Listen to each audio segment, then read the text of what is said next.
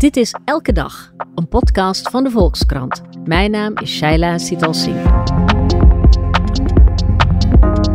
Groene waterstof wordt gezien als een cruciale schakel in de energietransitie. Europa zit er volop in en Nederland wil natuurlijk voorop lopen met deze brandstof.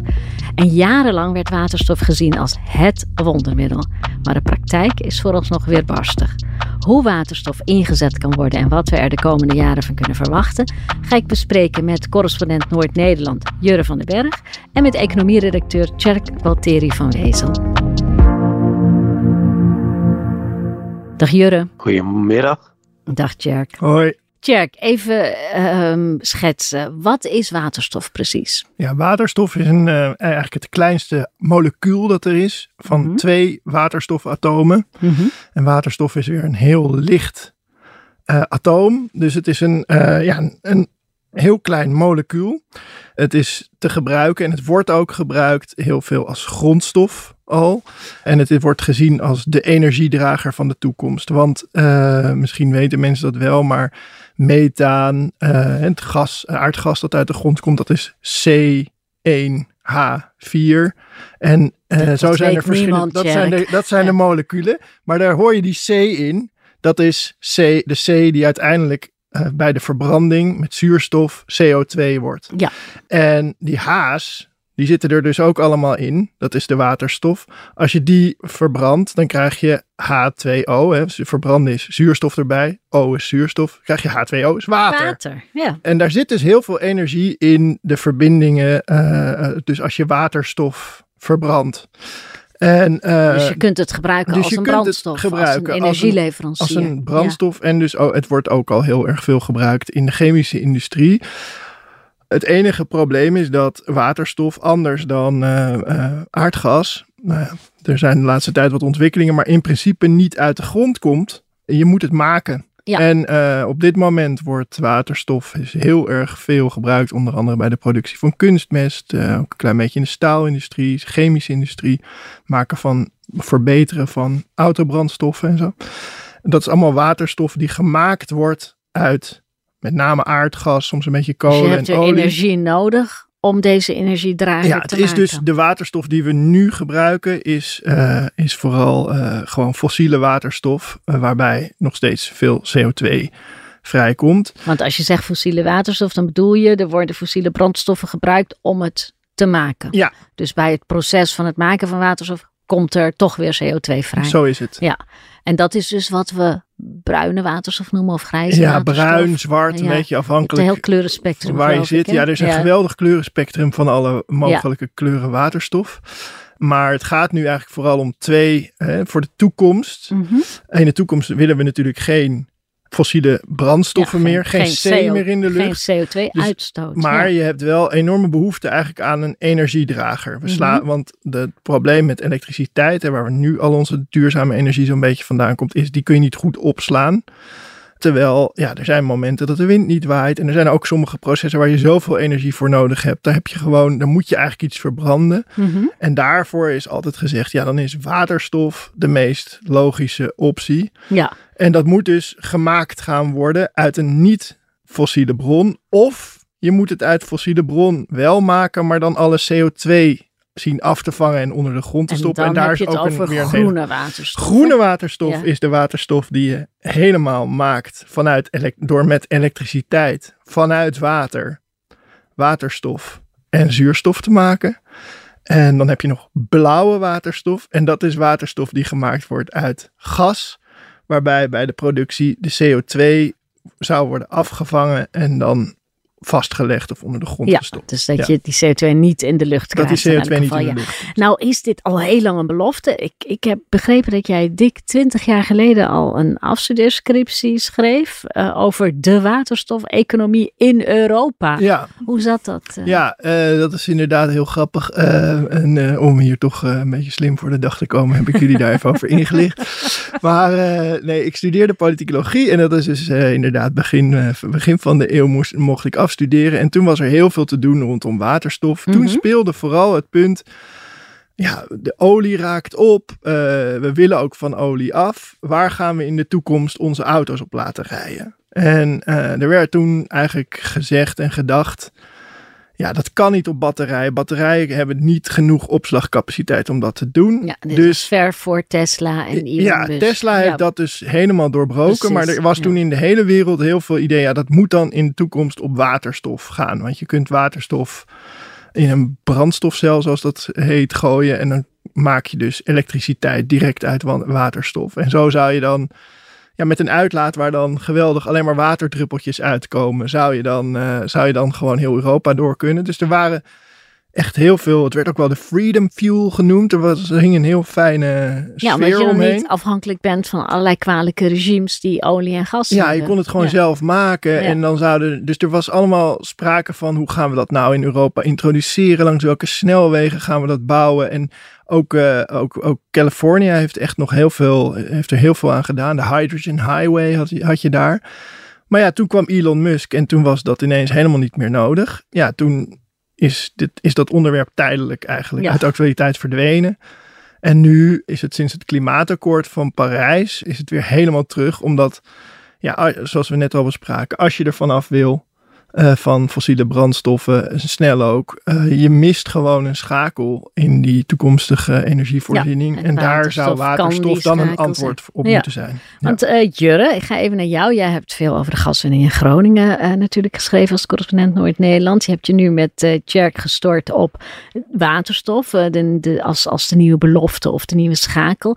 Waar, waar staan we nu in praktische zin met toepassingen van waterstof, Jurre? Nou, ik denk dat die twee dingen ook best wel wat met elkaar te maken hebben. Ook in Groningen hebben ze zich natuurlijk afgevraagd eh, wat eh, rest ons na het gas. En, en Groningen wil graag een energieprovincie blijven, maar dan een duurzame energieprovincie.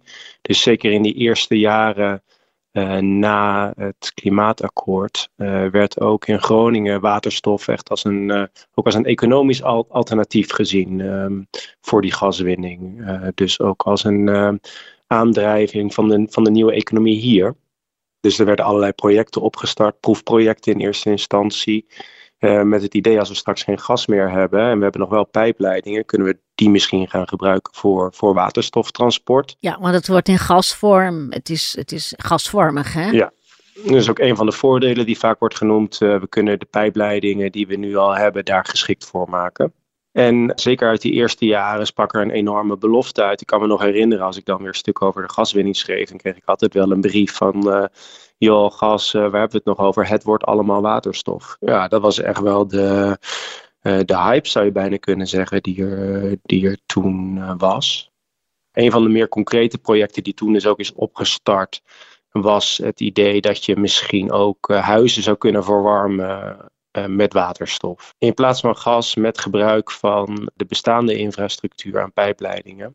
In het ideaal plaatje eh, aan de rand van het dorp met een eh, eigen windmolen opgewekt. Je wekt de stroom op die je vervolgens gebruikt voor, voor dat proces wat we net beschreven, elektrolyse, waarmee je van eh, groene stroom waterstof maakt. En je bent ook gaan kijken bij een woonwijk die op die manier is opgezet. Hè? Met woningen die zijn geïsoleerd en vervolgens op waterstof verwarmd. Is dat nou een ding? Is, of, of, of is dat iets, iets eh, werkt het? Is het iets wat we op grote schaal kunnen gaan doen? Het is een ding, het werkt in die zin dat het, uh, dat het gedaan is. Dus het, gaat om het plaatsje Wagenborgen, waar dus inderdaad uh, in 2018 het plan is opgevat om dit te gaan uitproberen met huizen. Nou, we zijn inmiddels uh, zes jaar verder en de eerste huizen zijn nu uh, overgezet. Maar er zit ook wel veel in dat project wat, uh, wat laat zien hoe moeizaam en hoe kostbaar het uh, gaat. Kijk, een van de problemen is. Er is heel weinig regelgeving. Waterstof uh, staat in elk geval bekend als gevaarlijk iets. Deskundigen betwisten dat wel hoor. Maar ja, er, in alle toezichthoudende instanties zijn er nog helemaal niet op ingesteld. Want, want het gevaar, het is heel brandbaar, toch? Het, het, het vat ongelooflijk snel vlam. Ja, dus dat is ook een van de, de redenen waarom, uh, nou, ze vertelde ook toen die uh, aansluiting een feit was, stonden er haast meer mensen van toezichthoudende instanties in de straat dan omwonenden in dit Noord-Groningse dorpje. Maar het grootste probleem is, uh, toen, toen dit project werd bedacht, was het idee, we gaan die waterstof hier zelf maken. maar de, de realiteit is nu dat die waterstof met tankauto's uit, uit België moet, moet komen. Oké, en waarom? Waarom lukt dat maken niet? Is dat ingewikkelder dan gedacht? Of is het duur? Waar, waar zit het hem in? Nou, het, grootste probleem uh, op dit moment, we kunnen het zo nog hebben over of het verwarmen van huizen nou een, de meest voor de hand liggende uh, toepassing is van groene waterstof. Daarvan is inmiddels wel de consensus dat dat zeker niet zo is. Maar het grootste probleem is, er wordt gewoon veel te weinig nog geproduceerd. Dus er zitten heel veel projecten in de pijplijn om het te gaan maken. Maar investeerders zijn ook schuw, omdat het is een beetje een kip of het ei probleem. het is, het is nog te duur om te gaan maken, dus bedrijven die hun productieprocessen erop zouden kunnen gaan afstemmen, denken ja, zijn we wel verzekerd van genoeg eh, groene waterstof tegen een betaalbare prijs. En uh, ja, daarom waarschuwt bijvoorbeeld het Internationaal Energieagentschap ook voor een impasse, dat iedereen een beetje naar elkaar zit te kijken. Ja, terwijl tegelijkertijd nog steeds wel de overtuiging is dat het inderdaad een belangrijke rol gaat, gaat spelen. Maar ja, nu zitten we een beetje op zo'n kantelpunt van ja, het moet er wel van gaan komen op een gegeven moment. Want dat is vaak bij een nieuwe technologie. Het, iemand moet het geld eh, financieren en dan moet de vraag op gang komen. En dan wordt op een gegeven moment het productieproces vanzelf uh, ook goedkoper als, er maar genoeg, als je maar genoeg schaal kan maken. Maar je moet ergens beginnen. Want dus dat is nu het punt waar we op zitten, Jack. Ik kijk even naar jou. Uh, toch wordt er vanuit de politiek vol ingezet op waterstof. Want er wordt wel gezien als, ja, hier moeten we het misschien wel van hebben straks. In ja, het is echt, als je dit, eh, ik, ik was uh, in november in een, een top in Brussel. En, en Brussel, dus Europa zet heel groot in op waterstof. Wil deze impasse met vraag en aanbod onder meer oplossen door en een enorme waterstofbank op te richten, waarbij ze er eigenlijk tussen gaan zitten. Uh, waarbij zij zeggen, nou oké, bedrijven die er zeker van willen zijn dat ze waterstof kunnen afnemen, die, uh, die helpen we door die waterstofbank te introduceren dat ze het kunnen gaan kopen. Hè, dat het er is als ze het nodig hebben. Mhm. En bedrijven die het willen gaan maken, die worden daar ook door gerustgesteld. Er is vraag naar. Verder willen ze met hele harde targets zeggen van er moet zoveel uh, van de waterstof die al in Europa wordt gebruikt groen worden. Dus Europa zet er heel erg druk op. En er is heel, ja, er wordt enorm veel gaat geld voor uitgetrokken. En er is dus heel veel aandacht voor. Er waren twee hallen vol in Brussel met uh, allerhande bedrijven landen, want die zien natuurlijk ook kansen, landen die in, potentie veel groene stroom produceren, zoals Zuid-Afrika had een geweldige stand en Brazilië, zijn landen, die zijn landen die denken wind van of met watervallen, wind, uh, hydro, maar vooral ook heel veel zon. Ja. Die zien kansen, dus er is, dus, dus heel veel gaande. En uh, ja, dus overheden stoppen er ook veel geld in. Maar het, is in, het blijft inderdaad zo'n beetje spannend van waar, waar gaat het nu echt loskomen daar draait het dan om. En het lijkt er wel heel duidelijk op ik, dat, het, dat het de plekken zijn waar nu al waterstof wordt gebruikt als grondstof. Dus je ziet in, in Nederland bijvoorbeeld is, de, is het grootste project om echt waterstof, duurzame groene waterstof te gaan maken, is van Shell. Die gaan mhm. een enorme electrolyzer bouwen in um, Electrolyzer heet het, uh, heet het apparaat waarmee je uit water je waterstof die, maakt. Proces, ja, Gaan ze bouwen in de Rotterdamse haven. En het idee is dan natuurlijk, hè, want dat, dat, dat probleem gaat zich met hoe meer duurzame energie we opwekken, we vaker voordoen, dat er momenten zijn waarop er overproductie is. Van duurzame van energie, duurzame van al die, al die windparken en dat op, dat, Ja, op dat momenten gaan dan, gaat dan die electrolyzer van Shell aan. Die, die is aangesloten op een windpark van Shell op zee. En die gaat daar dan uh, stroom mee maken. Dus gaat dan waterstof die maken. Die windenergie die even niet elders gebruikt wordt, die over is op het, op het uh, net, die gaat dan naar de electrolyzer en dan kun je waterstof maken. Dan kun je waterstof maken en die waterstof wordt dan vervolgens weer gebruikt in het proces dat zij daar al hebben in hun eigen raffinage waar ze al waterstof gebruiken. Dus dan kun je, zeg maar, dan hebben ze eigenlijk de hele keten en dat is logisch. En dan heb je een wat, goedkope grondstof die ook nog um, ja. energiezuinig is. Of, hoe zeg je dat? Uh, groen. Uh, groen is, dus geen CO2 uh, ja. uitstoot. Ja, ja dus, dus dat, is, dat is een van de eerste toepassingen die je gaat zien. Maar de, dus in de industrie waar al waterstof wordt gebruikt. En wat heel belangrijk denk ik is om te zeggen van, dat is bijvoorbeeld wat de critici van waterstof ook zeggen, van dit, dat waterstof, dat wordt dus, lijkt een soort doel in zichzelf te worden. En dat is ook een soort van risico, want lang niet overal is waterstof per se de beste toepassing. Er gaat enorm veel energie verloren als je waterstof maakt. Dan verlies je al een deel van de, eh, eh van de elektriciteit die je hebt opgewekt. De energie die erin zit, mhm. verlies je bij het maken van het waterstofmolecuul. Maar als je het vervolgens ook nog wil vervoeren, zeker over grotere afstanden met schepen, waar ook veel uh, over wordt gesproken, dan moet je het ook nog eens eerst onder enorme druk brengen, waar ook heel veel energie bij verloren gaat.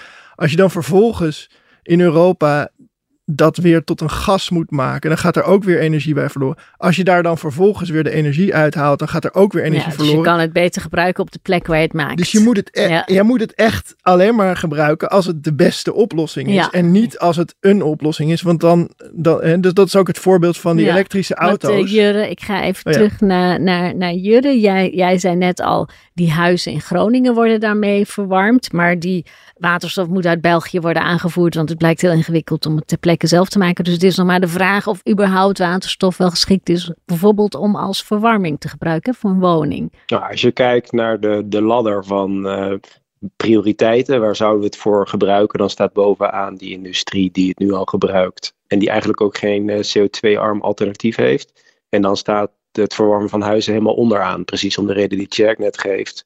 Er gaat heel veel stroom verloren bij het maken van waterstof. Terwijl je met die stroom zelf bijvoorbeeld warmtepompen kunt voeden. Wat bijvoorbeeld uh, Essent dan wel zegt, en dat, nou, dat is ook wel een gedachte. Um, sommige dorpen zijn te klein voor een warmtenet. Uh, sommige huizen zijn te oud uh, om goed te isoleren voor een volledig elektrische warmtepomp. Dus in uitzonderlijke situaties zou het wellicht ooit, als we een overschot hebben aan groene waterstof, een toepassing kunnen worden. Maar ja, het feit is, er is eerder een heel groot tekort, uh, geen overschot.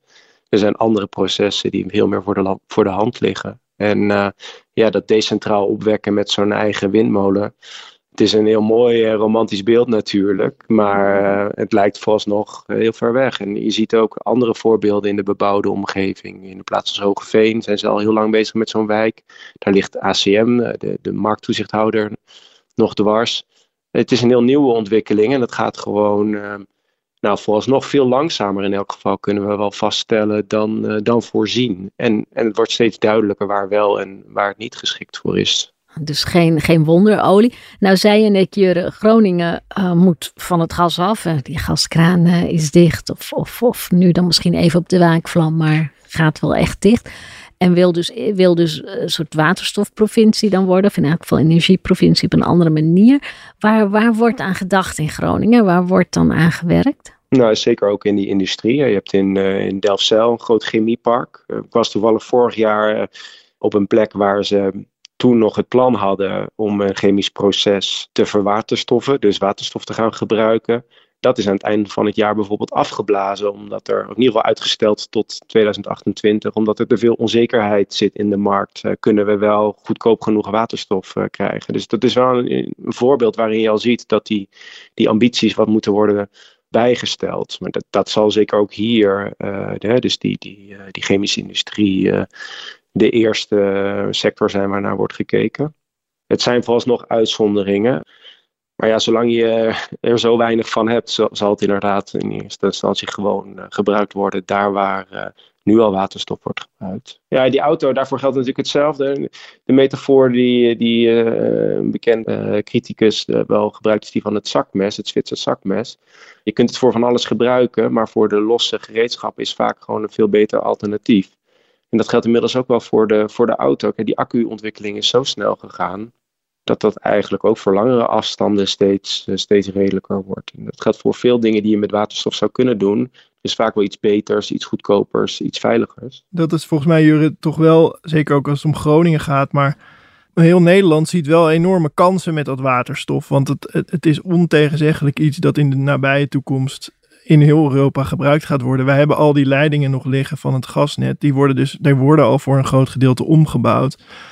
Er is heel vaak overproductie straks van wind op de Noordzee, waar wij direct ja, aan zitten. Nu al. En dat, uh, en, en dat gaat alleen maar meer worden met die enorme uitbreidingsplannen. Dus je kunt echt verwachten dat Nederland uh, um, zit wederom in, een soort van midden in het netwerk dat, uh, dat in de toekomst die waterstof, waar het gemaakt gaat worden, waar het aan kan komen met schepen, waar het pijpen heeft naar het achterland. Dus er wordt bijvoorbeeld nu al een enorme buis gelegd uh, en klaargemaakt naar het Roergebied, waar een staalfabriek al bezig is om over te gaan op waterstof. Dus Nederland ruikt wel enorme kansen. Hè. Uh, Prins Willem-Alexander, of koning Willem-Alexander moet ik zeggen, die is... Uh, hij is al heel lang koning. Hij is al heel lang koning.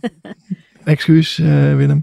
Ja, die is, die is nu ook als een ambassadeur de wereld over. En, en overal opent die leidingen en schepen en bezoekt die uh, landen die potentieel waterstof kunnen leveren. Dus Nederland ziet wel weer uh, gouden bergen. Dat kunnen we wel constateren. Ruiken weer kansen. Ja. Geldt natuurlijk ook voor Groningen. Hè. Groningen had altijd dat gas zelf, maar had ook met GasUnie hier die rol van uh, gasrotonde altijd heel erg voor ogen. En, en, dat is iets wat Nederland als land ook wel voor zich ziet voor waterstof.